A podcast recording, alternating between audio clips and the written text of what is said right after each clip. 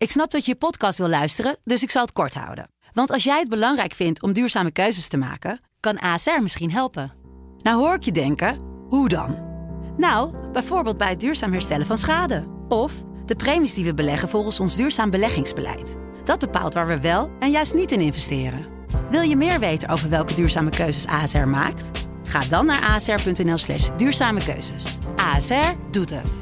Zo, dan kan je nu lekker naar je podcast luisteren.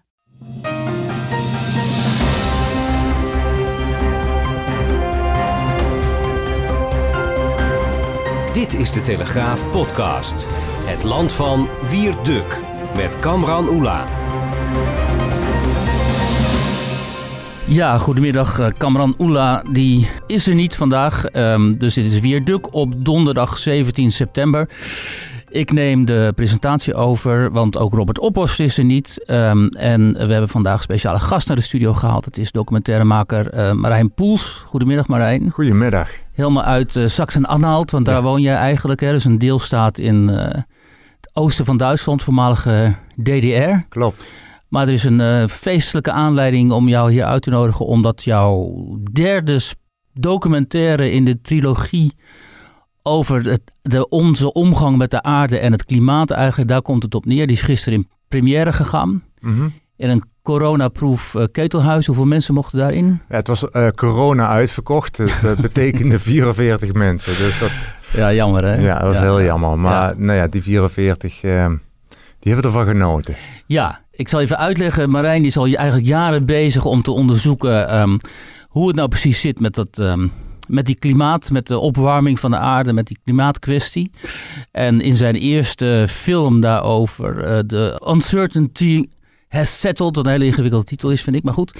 En ging hij dus op zoek om te onderzoeken of al die aannames die wij hebben, hè, die het, namelijk de aarde opwarmt en dat um, we op, uh, nou ja, aan, de, aan de afgrond staan eigenlijk. En dat we aan de vooravond staan van een catastrofe. Of die allemaal wel kloppen. En um, nou, interessant is, jij ging er eigenlijk als een linkse jongen in... die eigenlijk wel geloof hechtte aan, dat, uh, aan, aan het klimaatverhaal, hè? Ja, volledig ja, geloof. Ik, ik, ik, ik stelde er nooit vragen bij. Dus uh, ik, ik ging er wel vanuit dat, dat we een groot probleem hadden. En dat de mens de voetafdruk van de mens daar wel uh, de schuld in had. Ja. Precies, want dat is essentieel. Die vraag je onderzocht eigenlijk in hoeverre is nou eigenlijk de mens schuldig aan die opwarming en in hoeverre kunnen we daar nou eigenlijk iets aan doen. Mm -hmm. Hè? En um, uh, jij begon dat onderzoek en je viel van de ene verbazing in de ander. Ja, nou ja, je schrikt natuurlijk altijd als je op een gegeven moment een, een, een, volledig ander wereldbeeld opentrekt, wat je nog nooit eerder hebt gezien. En dat was met klimaat eigenlijk de eerste keer dat ik dat, dat, ik dat zo bewust beleefde. Dat, um, nou ja, je, je, weet, je weet wat er in de media wordt bericht, hè? je leest die berichten ook, uh, je neemt dat voor waar aan. En op het moment dat je dus zelf je onderzoek gaat doen, dan kom je, ik trok eigenlijk een, een kelder aan klimaatcritici open. En uh, dat was voor mij wel een openbaring. En ja. dat, dat waren geen kunstenaars of zo, of, of mensen die me wat zeiden, maar dat waren wel echt ge, uh, gewaardeerde wetenschappers.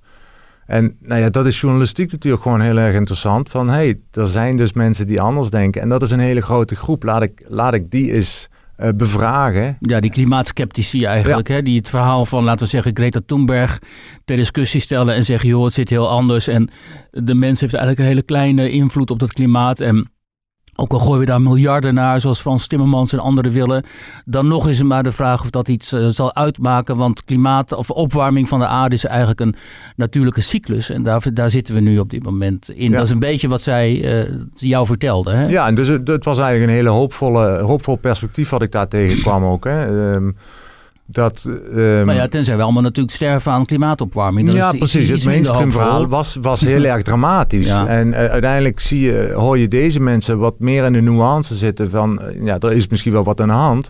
Maar er zijn nog zoveel known unknowns en unknowns unknowns... Ja. in dat Ja. hele klimaatvraagstuk waar, waar je het niet over mag hebben. Ja, En um, d- dus het feit dat, uh, uh, dat de mens daar 100% schuld aan is, kan nog wel te- ter discussie worden gesteld. En helemaal als je bedenkt dat wij uiteindelijk ook alles moeten betalen. ja precies. Ja. En, eh, nou, en die film, die, ehm, daar kwam nogal veel ophef uh, over. En vervolgens werd jij door, zeg maar, de, uh, nou, dat mag ik wel zeggen, de klimaatmafia, hè? Uh, dat mag jij niet zeggen, maar ik wel. werd jij eigenlijk um, uitgekotst. Daar kwam het op neer. Er kwam heel veel kritiek op. En dit was totaal een, een totaal onwelgevallig standpunt, wat helemaal niet verkondigd mag worden. En wat al helemaal geen podium mag hebben in de ogen van deze mensen. Hè? Die natuurlijk ook voor een groot deel heel veel geld verdienen aan die klimaat aan de klimaat, ja. uh, laten we zeggen, de klimaathype of de klimaat... Nou ja. ja, ja. En, eh, nou ja, e- eerlijk, de klimaatdiscussie. Weet je, ik, ik ben documentairemaker, dus ik, ik zoek controversies en ik vraag ook om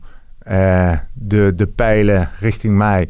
Maar dat het zo agressief was, had ik niet verwacht. En zo uh, uh, infantiel eigenlijk bijna. Vanuit zelfs officieel grote, gedegen wetenschappers... die mij daar neerzetten als een als een maloot die me wat doet, terwijl het gewoon een heel journalistiek leuk verhaaltje is eigenlijk. En mhm. heel interessant ook. Mhm. Ehm, en uh, dat, dat eigenlijk heel veel reviews werden geschreven, vooral vanuit de klimaatwetenschap, hè, die normaal nooit een filmreview schrijven. Hè, uh, die gingen in één keer filmreviews schrijven. Oh ja, over jouw film. En die deden dat natuurlijk zo slecht als mogelijk. En geen één zin. Um, ik, de essentie werd sowieso, sowieso niet beschreven. Dus dat werd helemaal buiten boord gelaten. Het mhm. werd zo neergezet van Marijn heeft een agenda. Want anders dan geef je die mensen geen woord. Ja. En dat, dat was voor mij totaal onwetenschappelijk eigenlijk wat ze daar beschreven. Maar goed, het, het gros gelooft dat. En de media gaat daar ook in mee. Weet je, als, als de, weet, de science has said, of de science uh, hè, heeft het verteld. Dus het zal wel zo zijn. Ja. Dus ik kreeg, ik kreeg nogal wat, uh, vond ik, onterechte um, agressie zeg maar, tegen mij. En die, die agressie vanuit de media en van de wetenschap, die spoelde natuurlijk door op het gewone publiek. Ja. Waardoor ik wel een paar keer in de problemen ben gekomen, ook bij, bij screenings, waar mensen... Oh ja? um, Weet je, het fysiek geweld vind ik, vind ik een groot woord, maar wel dat, dat ik fysiek de, de toegang werd geweigerd. Um, Antifa had jou ook weten te, onder, te vinden Ja, inmiddels. en nog sterker, um, niet alleen Antifa, maar ook, eh, kijk, en dat, dan praat je over uh, vier, vier jaar geleden, hè. Uh mhm. -huh. Dat waren um, ja, clubjes van, uh, vooral in Duitsland kreeg ik heel veel van dat soort... bij een, ik kan me herinneren bij een vertoning in Zuid-Duitsland ergens dat er een standje stond opgebouwd uh, voor de bioscoop. En daar stonden grote banners op van die partij. Dat is eigenlijk een, een, redelijk extreem links uh, politieke partij. Hè? En uh, daar stonden wat jeugd met, met een kratje bier en frikadellen. Die stonden mm -hmm. te schreeuwen dat die film niet vertoond mag worden. Oh ja.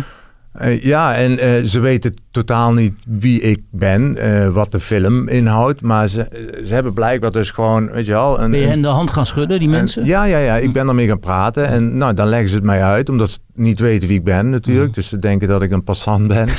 oh, je had je niet voorgesteld nee, te nee, maken? Okay. Nee, nee, want ik wou eerst eens kijken, weten ze wel waar ze het over hebben. ja. En uiteindelijk krijg ik daar een verhaal om de oren dat er een natie binnen zou komen met een film die, die voor die nieuwe rechten, zeg maar, een, een podium zou bieden. Nou, en toen heb ik me voorgesteld van ik ben Marijn Poels, ik ben mm. de filmmaker. Mm. En uh, nou ja, daar kom je uiteindelijk wel in een nuance, zeg maar. Maar uiteindelijk word je ook uitgekotst en, en ja. weggejoeld. En uiteindelijk lieten ze me de, de ingang niet in van de, van de bioscoop.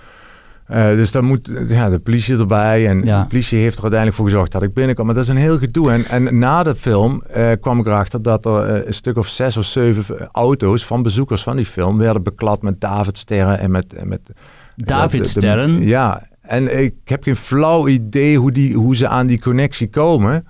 Maar dat is natuurlijk wat er, wat er in, in, in de kop van zo'n mensen rondgaat. Hè? Van, mm -hmm. Je bent een klimaat. Uh, als, je, als je al vragen hebt um, tegen de klimaatwetenschap. Je ja. dus een klimaatontkenner. Dat, ja. dat linkt dan weer een beetje met de holocaust. Je zal wel rechts zijn, dus dan ben je ook extreem rechts. Dus dan ben je ook tevens een nazi. Ja. En een jodenhater. Dus, dus, er worden allemaal frames op je toegeworpen om je eigenlijk uit te schakelen. Ja. En dat gebeurde, het gebeurde vaak. Dus... Uh, nou, ik heb er wel wat last van gehad.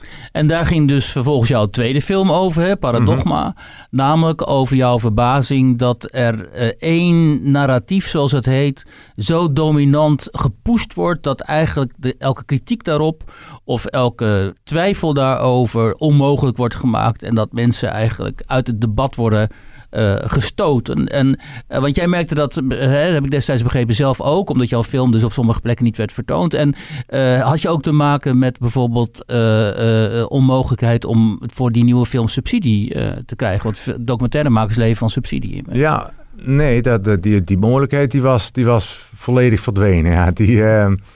Nee, ik heb het wel geprobeerd, vooral met de eerste film. Hè. Dat kreeg ik niet klaar, dus die heb ik zelf gefinancierd. Hè. Die Uncertainty ja, Settled. Ja. Uh, die tweede, daar kreeg ik echt een probleem. Want ik werd, ja, ik had het idee, weet je wel, ik maak een mooie film. En mensen zijn wel bereid om daar 5 euro voor te betalen. En dan zou ik onafhankelijk zijn als filmmaker. Dat zou ik wel erg leuk vinden. Maar door die tegenwind, ja, dan, dan wordt het publiek nog niet bereikt. En um, ben ik heel wat inkomsten misgelopen. En uiteindelijk ben ik, ja, toevallig de goede mensen tegengekomen. Die hebben gezegd van, oh, ik vind dat zo, ik vind dat zo niet oké, zeg maar, dat, dat iemand die vragen stelt zo wordt koud gesteld. Uh, ik wil jou steunen financieel. Dus je kreeg mecenassen. Ja, precies. En ik kreeg veel, veel, uh, of veel, uh, voldoende in ieder geval, om aan een nieuw verhaal te beginnen. Ja. En dat, dat zijn kleine mensen die, die met 10 euro doneren, maar dat waren ook grote bedrijven die met 10.000 doneren. En het is natuurlijk lastig van, je werkt met bedrijven en zo. Hè, maar het hebben dan constructie voor verzonnen dat ze een, een, een, contract ondertekenen. Dat, het zijn stille vernoten. Dus ze, mhm. hebben, ze geven geld, maar ze hebben niets te zeggen. Dus het was voor mij, dit is wel een hele mooie toekom, uh, bijkomstigheid wat er in één keer uh, zich voordeed. Um, dat maakt me nog niet efficiënt natuurlijk als, als filmmaker. Maar het is mhm. wel dat ik die steun kreeg van bedrijven. En het belangrijkste vond ik te merken dat dit, dit gaat niet over klimaat. Of, dit is een veel groter probleem. Hè? De demonisering van het andere geluid. En niet alleen uh, privé hebben mensen daar problemen mee. Dus dat de sociale druk zo, zo erg drukt dat ze niets meer mogen zeggen. Maar ook het bedrijfsleven zit daarmee. Want mhm. het is natuurlijk ook zo dat het bedrijfsleven moet kunnen innoveren, moet creatief kunnen zijn. En dan moet je vooral uit, out, out of the box kunnen denken en mogen praten.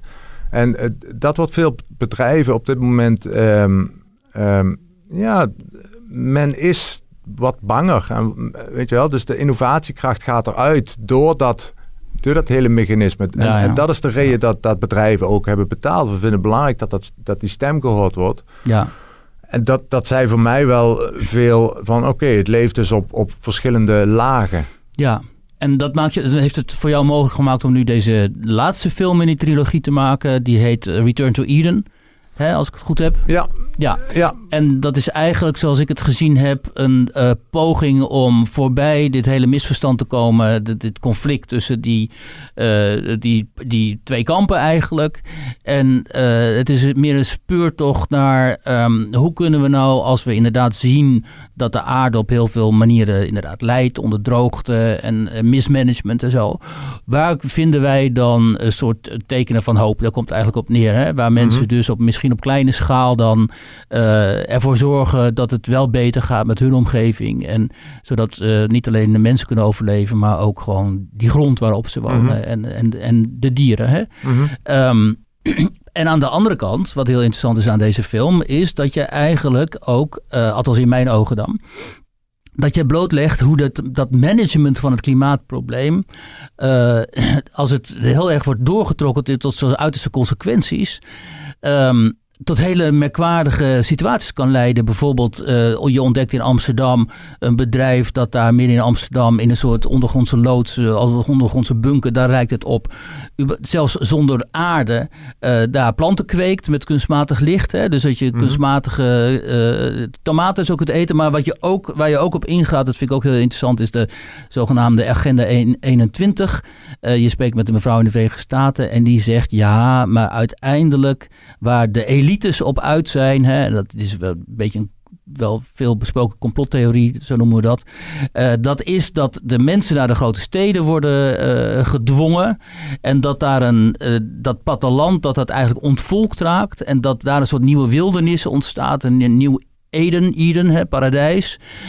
waar dan zeg maar de armere mensen geen gebruik van kunnen maken. Maar misschien die superrijken dan wel. Als zij mm -hmm. daar hun huizen of misschien enclaves kunnen bouwen. Mm -hmm.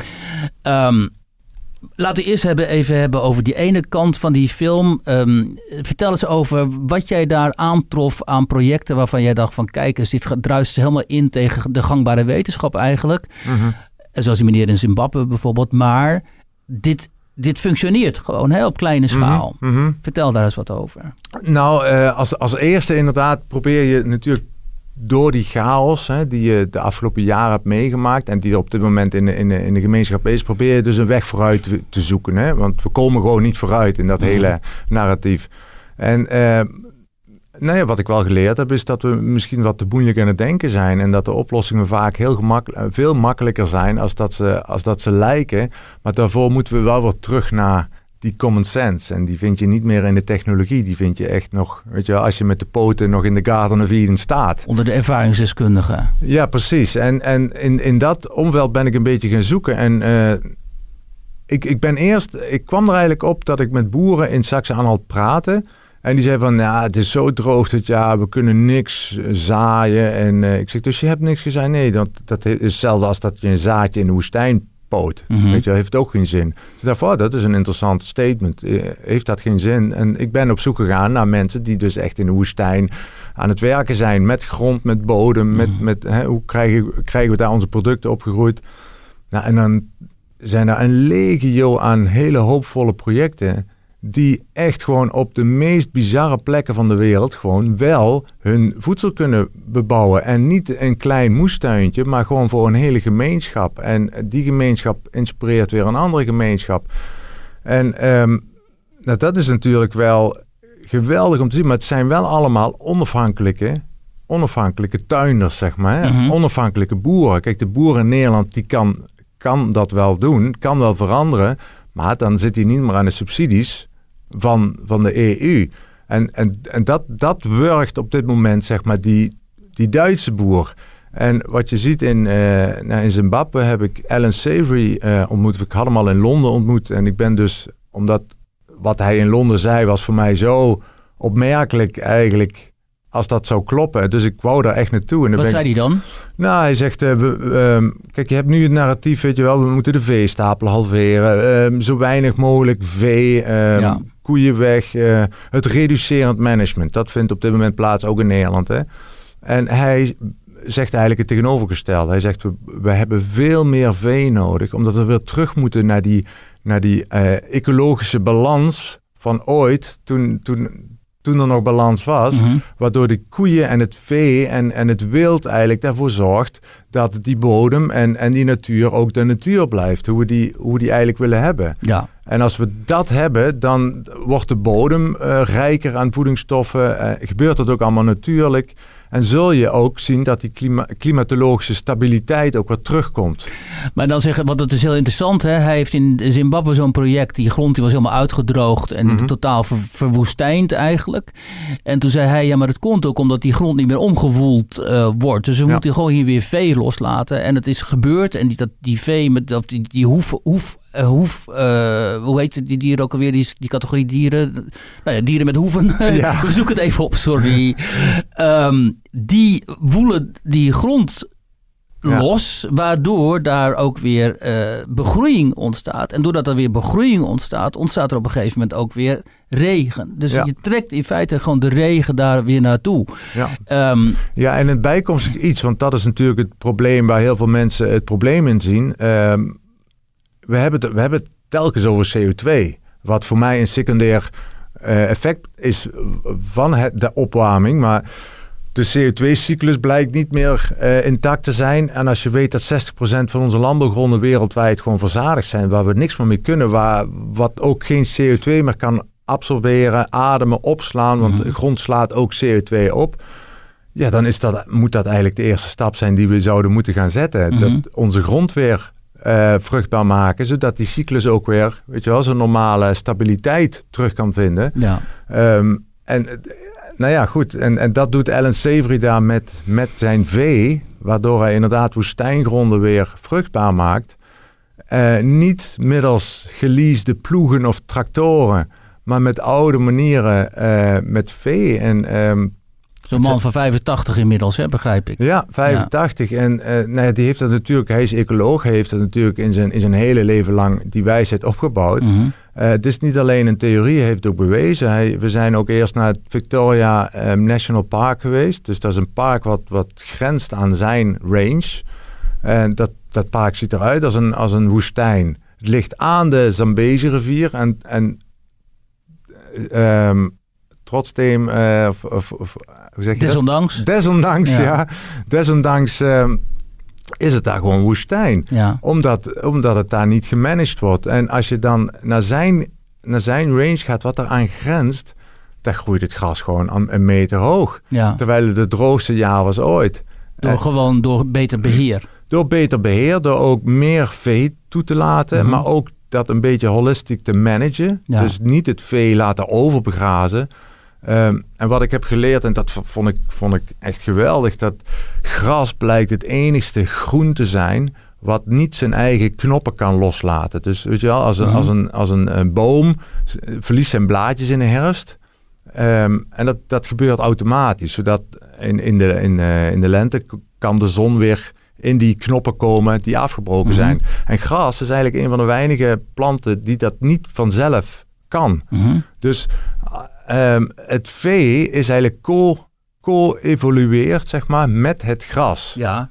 En wij hebben zeg maar die evolutie eigenlijk uit elkaar getrokken. Wij hebben dat dus zelf, wij zijn dat zelf gaan doen, hè? zelf het gras gaan maaien. Ja. Uh, uh, maar we zijn daardoor wel die natuurlijke principes verloren. Um, en, en dat heeft er uiteindelijk voor gezorgd dat we, dat we... Kijk, als je het gras niet maait of zo, hè, zoals dat in zo'n national park laten doen... dan wordt het lang en dan, en dan, dan bedekt dat zeg maar het kleine gras onder. Het, het wordt zwart, er komt geen zon meer in het, dus dat sterft af. Het wordt eigenlijk chemisch verbroken en uiteindelijk wordt het woestijn. En door dat vee op, een, op de juiste manier eroverheen te laten gaan... Te laten grazen ook. Te laten grazen, maar ook gewoon eroverheen te laten lopen... dat dat gras weer afbreekt. Dus dat Mhm. droge gras breekt af, zodat de zon er ook weer opnieuw in kan. En dat zijn allemaal technieken die we, die we eigenlijk een klein beetje verloren zijn. Van welk voorbeeld was jij het meest onder, onder de indruk, los van dit uh, geval in, uh, uh, in Zimbabwe? Um, nou, eigenlijk dat, dat, dat, het, dat je overal ter wereld, waar je ook bent, midden van de woestijn, dat je daar je dingen kunt doen die je graag wil doen. Je kunt daar ook je, je Garden of Eden maken. Want op welke plekken en, ben je allemaal geweest voor deze film? Uh, Sina, of de Sina, Sinaï, dus uh, Egypte, ja. Zimbabwe, uh, Duitsland en Nederland. Mm -hmm. verder ook voor de film ook nog in, in Engeland veel geweest, maar daar is niet zo heel veel in teruggekomen. En Amerika dan. Ja. En overal zie, zie, je de problemen hetzelfde. Hè? Bij alle boeren in het Westen zie je echt exact dezelfde problemen. En nou ja, kom je bij die projecten, dan zie je gewoon echt een, een, een bijna een, een simpelheid en een common sense. Uh, maar het zijn wel mensen die weer teruggaan naar, uh, naar het kleine, lokale. Dus die niet meer zo heel erg bezig zijn met de wereld aan het redden of de klimaat aan het redden, maar hun eigen kleine tuin aan het redden. En dat doen ze wonderbaarlijk goed. En als je, als je weet dat in de Sinaï, dat is nogal een, uh, dat is nogal een rovershol. Hè? Dat mm -hmm. is het enigste verbindingpunt van Afrika mm -hmm. naar het Midden-Oosten.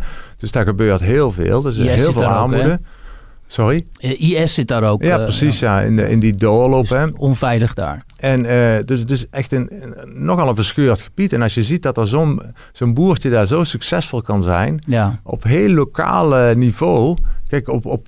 De Israëli's hadden overigens de Sinaï-woestijn al een keer ontgonnen. Hè? Ja. Die hadden dan, uh, ben ik jaren zeventig of zo, die hadden daar gewoon al groene gebieden uh, gecreëerd. Ja, en, en, nou ja, en uiteindelijk ben ik daar dus, uh, twee Nederlanders heb ik daar getroffen. En misschien ben ik daar wel het meeste van onder de indruk. Um, en die zijn ook op een hele holistische wijze, proberen die daar de woestijn ook weer te vergroenen. Ja.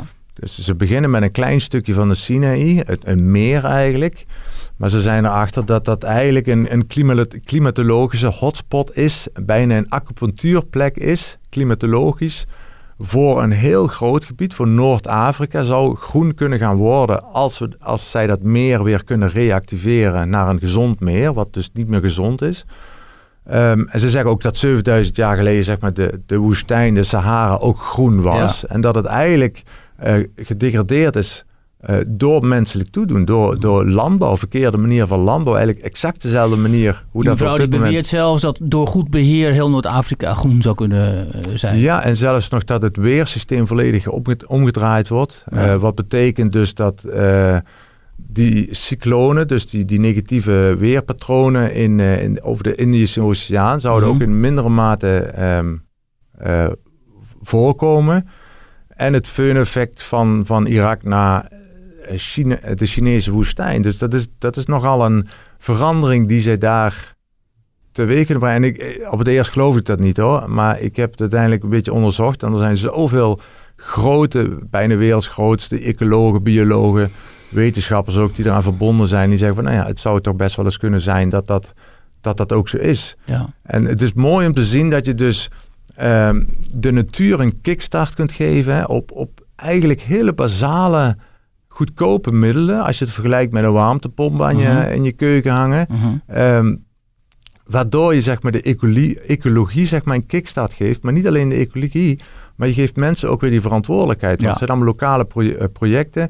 Je kunt eh, de landbouw stimuleren, je kunt daarop de economie sti- stimuleren. En nou net op het continent waar, weet je wel, waar het meeste mis is, Mhm. kun jij een boom geven waar Ja. wij ook wat aan hebben, klimatologisch. Ja.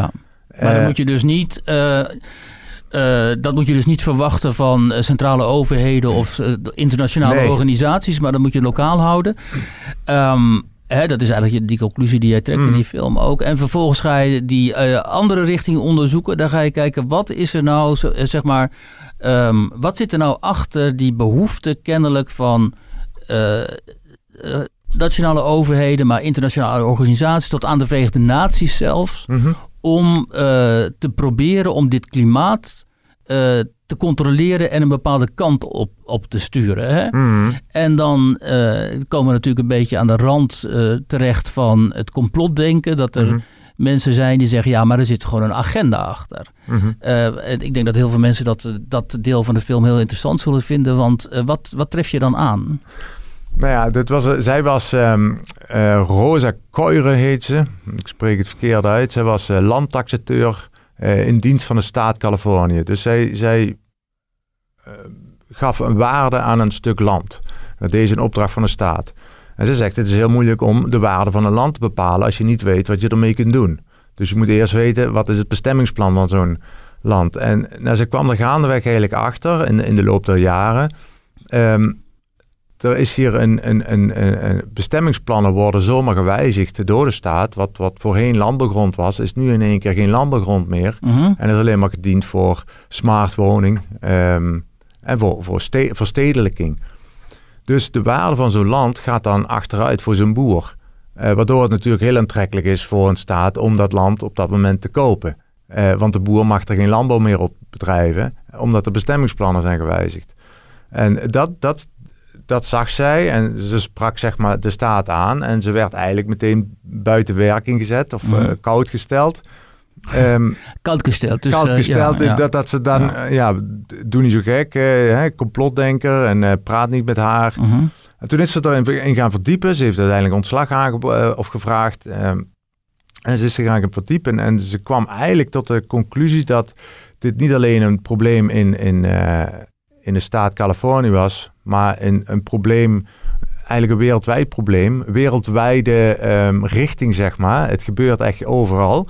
En dat, dat zou Agenda 21 zijn, dus het, het duurzame eh, plan van eh, de Vere- Verenigde Naties, hè, Mhm. opgesteld in, in de jaren 80. Want ik- even serieus, die agenda 21 bestaat, hè? Dat die is bestaat, ja. Dat is, dat is gewoon Ja. een, ook een titel eh, die Ja. eh, gegeven is Kunnen door mensen gewoon opzoeken en dan kun je Ja. het document bekijken. En dus het document is 300 pagina's, ja, Mhm. nogal een boekje. Maar ja, daar staat eigenlijk exact in geschreven wat die, die mevrouw ook zegt. Ehm, dat verstedelijking wel ehm, de richting is eh, voor de toekomst. En dat men ook aan het proberen is om de wildernis weer de wildernis... Weet je, om, Ja. om weer wildernis terug te krijgen. En eh, ja, het getal wat je heel vaak hoort is 50% van de wereld eh, wordt wildernis. En eh, waar de mens eigenlijk geen toegang tot zou mogen hebben in Mhm. de toekomst. Ehm, en nou ja, dat, als je, als je zo'n thema hebt en dat is globaal, dan, dan weet je ook van oké, dan als je dus de wildernis wil terug wilt hebben hoe dat die vroeger was, dan moet je ook geen grenzen meer hebben. Nee. Dus die grenzen gaan weg. Dat is natuurlijk een heel groot voordeel voor het grote Oh, het is een kapitaal. hè. globalistisch project. Geen grenzen. Ja, precies. Mhm. het, het zit, het- daar zit het wel tegenaan. En Ja. eh, je kunt dat ook eh, in elke zin eh, die je leest over het klimaat, kun je dat ook teruglezen. Het, het is allemaal globaal, het is een crisis. Ja. Ehm, en, Maar staat er ook letterlijk in dat, in dat plan dat de grenzen moeten worden opgeheven? Of ja, wel? ja, dat Oh, staat er wel in, ja. Dat staat, en je hebt natuurlijk allemaal zijde, ehm zijde think, denktanks, hè. Mhm. In Amerika, in Amerika heb je ook een website America 2050. Mhm. eh, .org of zoiets. En dat is ook opgezet door de Verenigde Naties, of in ieder geval gesubsidieerd door. Mhm. En die laat ook echt zien, eh, het, een, een, een Amerika, zeg maar, hoe het eruit ziet. eh, zonder grenzen, Mhm. met die, met die megacities. hè. Geen muur tussen Amerika en- Mexico. en- Waarschijnlijk niet, nee. En, ehm, en zo ziet Europa er ook uit op, op die kaarten. Ja. Ehm, en ik vind dat eigenlijk helemaal niet zo'n gek, gek idee. Weet je, dat, dat, dat, voor mij is het geen complot. Het is een, het is een manier van het is systeemdenken eigenlijk. Hè? En Ja. als je.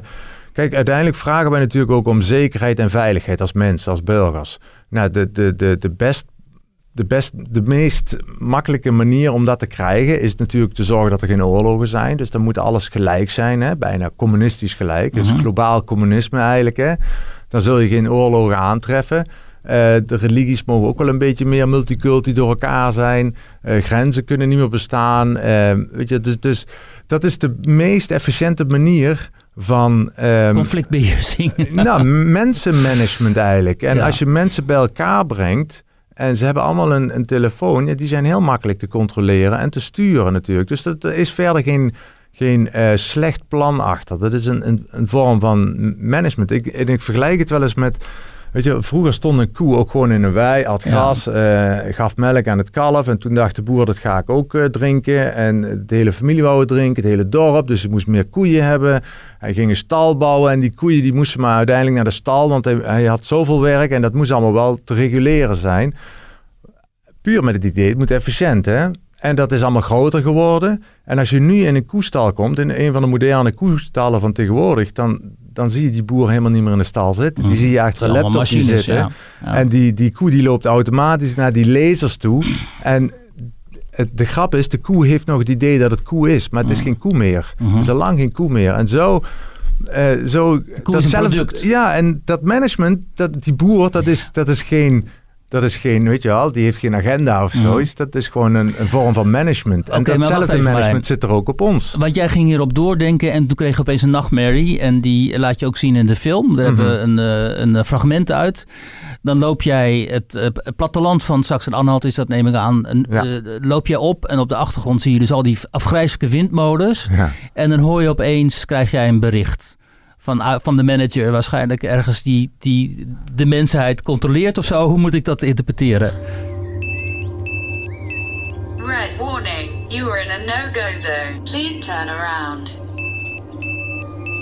You are under violations of the law. You entered a non-human area. Human rights do not apply here. We are forced to disable your data chip. Five, four, three, two, one.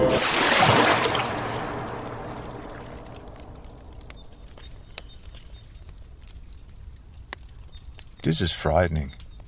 Nou ja, ik had, een- ik had de dag daarvoor, voordat ik die scène draaide, had ik een film gezien over eh chipparties in Zweden. En dat, is dus, dat zijn parties waarin, waarin jonge meiden en, en, en jongens ook van 17, 20 jaar, die laten zich chippen. En die krijgen dus een chip hier tussen de duim en de wijsvinger. En daar zit al je data op. Hè? Je sleutel, jouw creditcard, eh, maar al je gegevens ook. En in die droom eh, zag ik mij eigenlijk op dat platteland van Saxe-Anhalt lopen met het verhaal van Agenda 21 in mijn Mhm. achterhoofd. En ik kwam in die droom ook van zo'n chipparty af. Mhm. Je was gechipt. Ik was gechipt Mhm. en eh, nou, als, je, als je heel erg gaat systeemdenken, eh ja, hoe kun je zo'n chip nog efficiënter maken? Nou, dan, dan verbind je zo'n chip natuurlijk met een, met een centrale ergens. En die hebben uiteindelijk, die weten precies hoeveel, hoeveel energie je hebt verbruikt. En die weten precies hoeveel eh, weet je wel, kilometers je hebt gelopen. En die kunnen ook zeggen van, u heeft te veel energie verbruikt. Wij zetten u nu uit. en ik dacht van, nou ja, dat zou zomaar kunnen zijn. Dat wij daarin trappen en als mensheid ons zover laten, laten drijven eigenlijk. Nou ja, kijk, dit is natuurlijk een metafoor voor de angst die heel veel mensen hebben. Zeker in deze tijd van corona. Dat overheden eh, steeds meer grip krijgen op jouw persoonlijke leven. En bijna tot in je slaapkamer willen controleren Mhm. wat jij al dan niet doet. Hè? Ehm, de anderhalve meter samenleving is daar een voorbeeld van. En je Ja. ziet nu op dit moment mensen echt in mijn ogen dan helemaal doordraaien. En zeggen, ja, maar de hele corona, dat bestaat helemaal niet. Mhm. Dat is gewoon een, een hoax van de overheden om ons in hun greep te krijgen. En kom in verzet. En dan zie je Mhm. een paar mensen op Malieveld of zo. Of nou, niet eens een paar mensen, maar best een redelijk aantal mensen. Ehm, eh, en het interessante hieraan is dat dat eh, eh, voor een deel natuurlijk een gerechtvaardigde angst is. Hmm. En niet alleen vanwege eh, corona, maar vanwege de digitalisering. Vanwege het feit dat je tegenwoordig overal traceerbaar bent. eh, vanwege het feit dat narratieven, zoals waar wij hè, het over hadden eerder, waar, zoals dat van jou in het begin, dat die eh, met alle mogelijke middelen worden bestreden. Dus afwijkende narratieven. Ehm, Hè, dat zie je ook in de politiek, de manier waarop op populisten wordt gereageerd en zo. Of in de media, dat gaat natuurlijk echt eh, van uh, dik hout zaag je planken.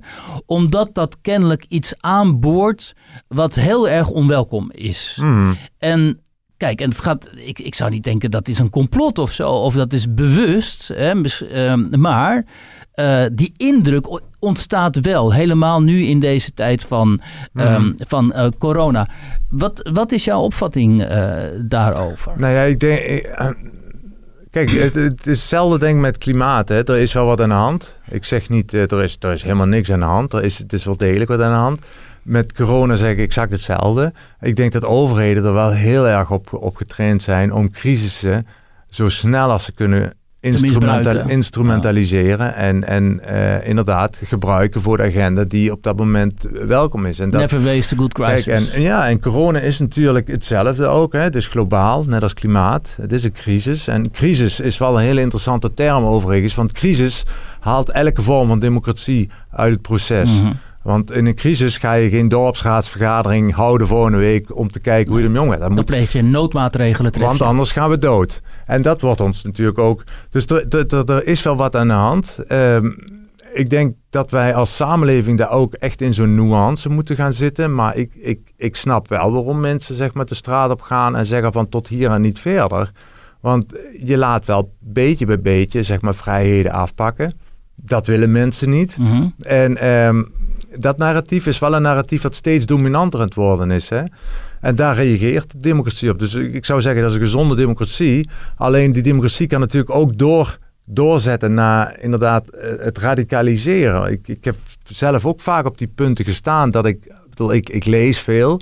En vooral ook alle kanten zeg maar, van het verhaal. En eh, je hebt heel erg snel de neiging om iets heel snel te bevestigen, omdat dat jouw idee was. Mhm. Al, weet je? Mhm. En dan ben je eigenlijk niet meer realistisch aan het, aan, het, eh, aan het onderzoeken, maar dan ben je eigenlijk alleen maar je eigen wereldbeeld aan het bevestigen. En dat wordt in die corona natuurlijk heel erg gedaan, waardoor je eigenlijk een soort van bijna agressie hebt hè, tegen, tegen iets wat, ehm, wat eigenlijk uit goed, bedoeld, goed bedoeld management komt. Maar wie schiet hier dan eh, precies tekort? Hè? Want je zou denken ehm, dat dit in een gezonde democratie, waarin alle standpunten aan bod komen Hmm. en eh, eh, even dat weet ik breed niet of worden alle- uitgemeten. Dat weet ik niet of die alle aan bod komen. nou, dat is nu ik- niet het geval. Nee, Ja, wordt mijn vraag. zeggen, ja. Schiet dan politiek en media hier tekort, waardoor mensen dus niet in hun vragen worden eh, eh, bevredigd. Hè? Waardoor ze geen antwoorden krijgen op hele belangrijke vragen. Mhm. Waardoor zij die antwoorden gaan zoeken in die spelonken van het internet, waar natuurlijk allerlei complottheorieën eronder Ja, doen. dat is, dat is absoluut. eh, ehm, kijk, als je, als je bekijkt dat. ehm, nou, ik zal het buiten mezelf houden, maar. ehm, belangrijke thema's als klimaatverandering, immigratie, weet je wel. Daar zie ik heel weinig. Dus ik heel eenzijdige berichtvorming in de media, de grote mainstream media. Mhm. Ehm, dat vind ik al de eerste slechte stap eigenlijk. Hè. Eh, als je in de, in de politiek, zeg maar, als je dat bekijkt, eh, wat voor debatten daar afspelen, er wordt zeg maar juist die kant, de, de kritische kant, wordt heel snel weggezet als, als weet je, het krijgt heel eh. Slechte namen ook. Ja. Hè. En, ehm, Ja, vooral ook moreel niet deugend. ja, precies. Ja. Eh, Extreem dit, Ja. of ehm, eh, ontkenner hier, of ehm, Populistisch hier. Populistisch daar, ja. Ja. precies. En dat vind ik sowieso echt een gebrek. Dus de, de media, denk ik, dat echt de grootste verantwoordelijkheid... Als een journalist al verantwoordelijkheid heeft... dan vind ik dat hij de verantwoordelijkheid heeft om... dit speelt er in de samenleving, dus dat teken ik op. Mhm. Weet je wel? En op dit moment is de journalist eigenlijk meer op de stoel van de waarheid gaan zitten. Eh, de stoel van, van het narratief ook. Hè? En alles wat daar buiten is, dat wordt eigenlijk door diezelfde journalist dan ook vaak, weet je wel, in ieder geval Nou ja, dat is bijvoorbeeld in jouw geval heel interessant. Hè? Omdat de meeste media, die zijn natuurlijk in die klimaatkwestie... volledig aan de kant gaan staan van eh, de alarmisten. ja. Eh, ehm, en er is ook wel een zekere angst, geloof ik... om dus die andere kant eh, te gaan benaderen en te ondervragen... en dus eh, meer eh, klimaat, die klimaatskeptici aan het eh, woord te laten. Omdat je zo snel eh, van jou dan wordt beweerd... dat je dan dus eh, moreel eh, niet deugt, hè? Mhm. En, en dat je ondermijnend bent. Terwijl in mijn, ik ben oud genoeg om nog te herinneren dat journalistiek vooral was het eh, bevragen van de macht en de gevestigde orde. ja. Hè? Ja. En eh, op, opmerkelijk is dat de afgelopen misschien tien jaar of zo, Ja. eh, dat, het dat, ja. dat principe nogal eens vergeten wordt. En Ja, het- media vaak op de schoot van de macht gaan zitten Het juist. zijn de stenografen van, van de macht geworden. Zo eigenlijk. dat? Ja, absoluut. Het, het- ik, je kunt het ook één op één zien. Het is, ze schrijven echt werkelijk bijna niks anders dan wat er in de, in de Tweede Kamer. Er zijn natuurlijk altijd uitschieters, hè? maar. ehm, en, en goede journalistiek bestaat ook nog wel. Dat ik. maar het gros, zeg maar. ehm, als ik de NOS kijk, als ik de NPO zie, dat is allemaal weet je, staatsgeld en die moeten doen wat, weet je wel, ze moeten niet te ver buiten dat narratief schieten, want dan wordt het een gevaar voor de staat. Mhm. En dat is jammer, want juist een democratie zou eigenlijk vanuit die verlichtingsgedachte moeten, moeten blijven functioneren. En ja, daar krijg je populisme. Ja, populisme. Het populisme is gewoon een democratische reactie op een, een, een disbalans in, in de democratie. En dan moet je die vooral laten vieren. En, ehm, maar die, die, je moet je niet... Weet, er wordt nu gedacht, dat is gevaarlijk om een klimaatcritici aan tafel te hebben. En ik denk van, ja, maar wat is daar gevaarlijk aan? Een, een, een mening kan nooit gevaarlijk zijn. Mhm. weet je wel? Het niet willen begrijpen van de mening, dat voedt uiteindelijk inderdaad mensen onder in die kelder... Hè, om, om de wildste complotten uit te denken. En ik denk juist nodig zo'n mensen uit en ga daarover over in gesprek en kijk waar die nuance ligt.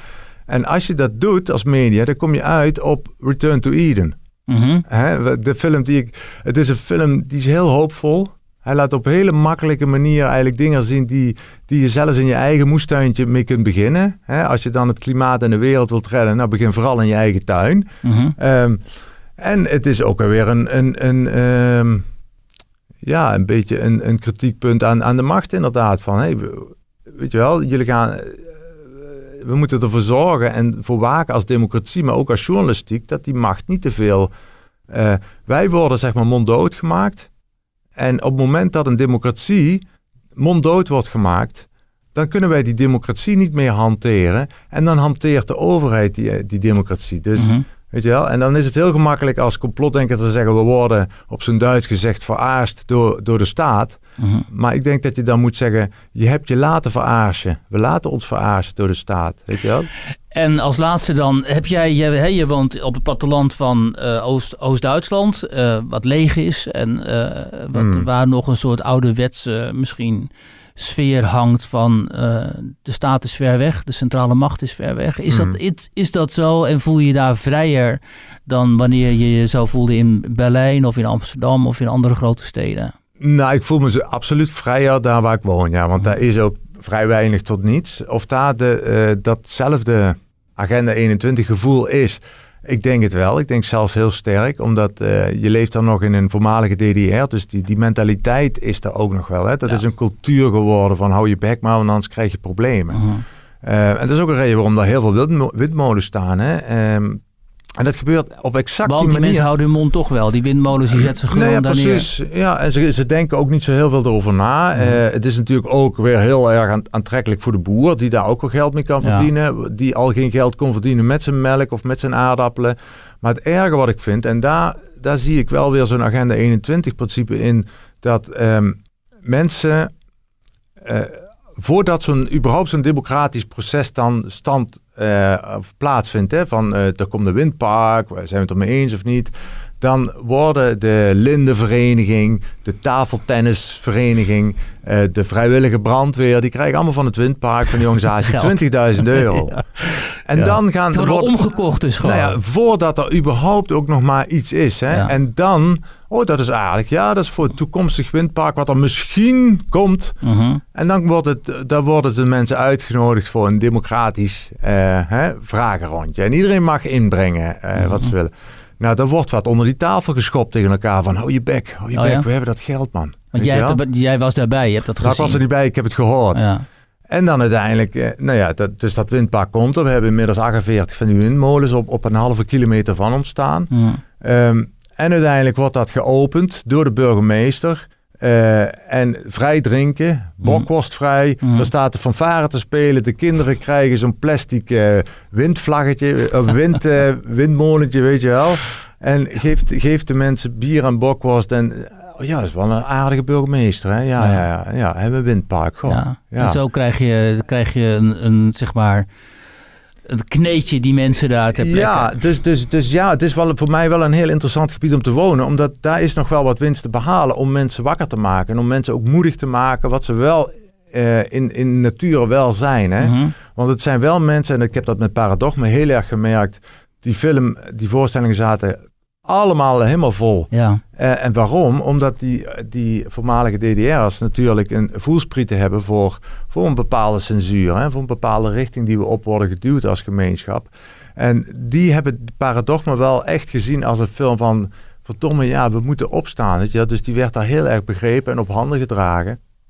En wat je ziet in Nederland wordt het een beetje weggezet als van... Ah joh, weet je wel, ja. je bent een slachtoffer. Of Ja. eh, weet je wel... eh, Mensen die onder de een- dictatuur hebben geleefd, die herkennen dat, eh, Ja, veel, dat soort mechanismes veel En, en sneller. de grootste domheid is de vanzelfsprekendheid. Ja. Hè? En, en, en daar leven we eigenlijk voor een groot gedeelte in. Maar ook de wetenschap zelf, ehm, die ook in eh, een, een, een soort van domme vanzelfsprekendheid leeft. Mhm. eh, die elkaar maar napraat en naleest en, en, en nastempelt.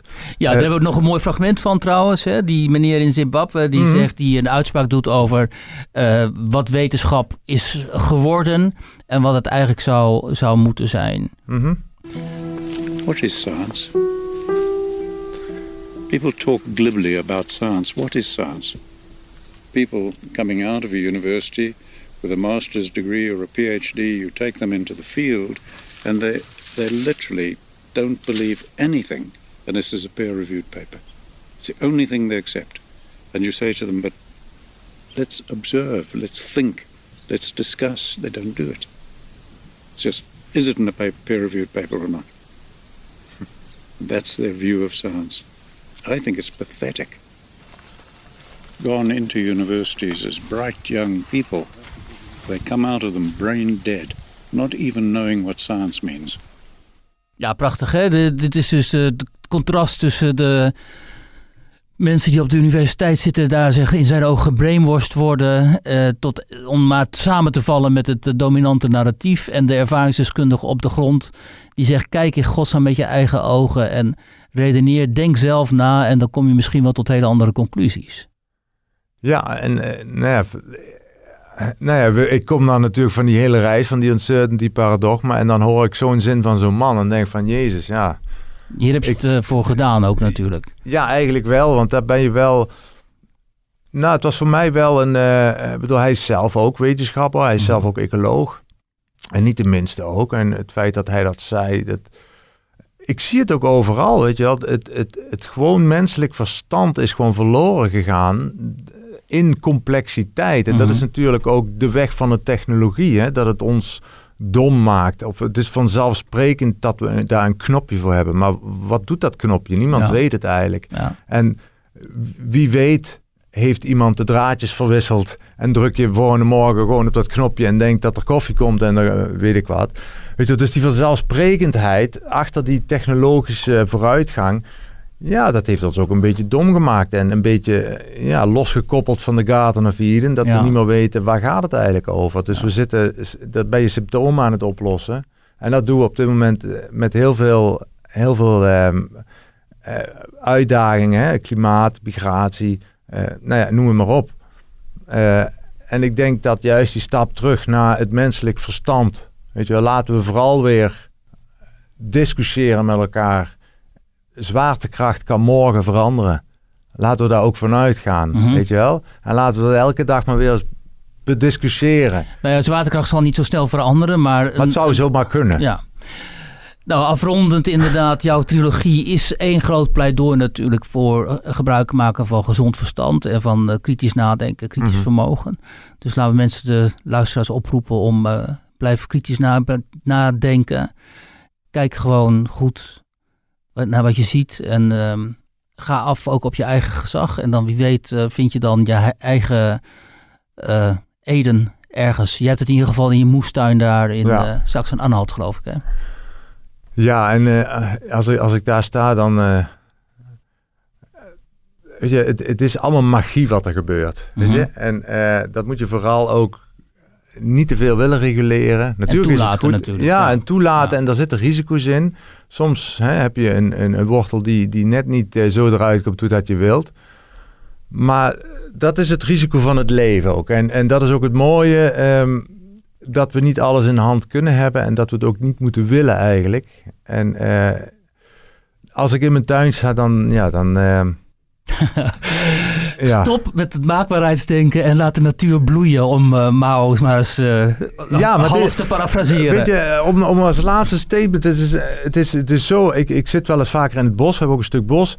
En als je kijkt hoe dat daar functioneert, zo'n bos eigenlijk, ja. hè? ondanks dat, het, dat we het natuurlijk een beetje reguleren, maar wat er onder de bodem zeg maar plaatsvindt aan, aan schimmelsystemen die uh, bomen uh, voeden, of je dan een berkenboom is of een, of een dennenboom, maakt niet uit. Weet je, dat, dat is complete chaos wat nog niemand eigenlijk echt ja. helemaal snapt. Maar het zorgt ervoor dat dat uh, schimmelsysteem, dat het bos een soort van natuurlijke balans krijgt, waardoor het floreert. En, en, en, en dat het is een mooi, daar, ja. het is zo'n mooie metafoor dat wij als mensen zeg maar het schimmelsysteem van, die, van, van de vooruitgang zijn en dat we dat vooral niet te veel moeten indelen in links, rechts, maar dat juist de chaos moeten we ook de chaos laten. Dat is de democratie en dat is het enige manier waarop we weer eigenlijk als een soort van organisch proces weer terugkomen in een nieuwe nieuwe mooie wereld die ik wel, uh, waar ik wel hoopvol naar ben. Heel goed Marijn, ik denk dat je onze luisteraars er heel veel hebt meegegeven om uh, over na te denken. Bijvoorbeeld dat die bomen daar langer staan dan dat wij leven. Dat vind ik ook altijd zo'n wonder. Ja. Heel veel dank, uh, heel veel dank hiervoor. Ik hoop dat mensen jouw film gaan zien. Ja. zeg nog even waar die eventueel te zien is. Ehm, donderdag vanavond om 8 uur bij Omroep On. Hè, op, Mm. op de YouTube-kanaal van de um, aspirantenomroep Mhm. Ongehoord Nederland. Uh, hij is internationaal ook te zien bij Friends of Science en in Duitsland bij Cashkoers. En Ellen Severi gaat hem ook streamen natuurlijk. Oh ja, nou dan genoeg mogelijkheden om Ja. hem uh, te zien dus. Heel veel dank, goede reis terug naar uh, Duitsland en ik hoop daar weer eens een keer met jou door het bos te gaan wandelen. Dank je, leuk.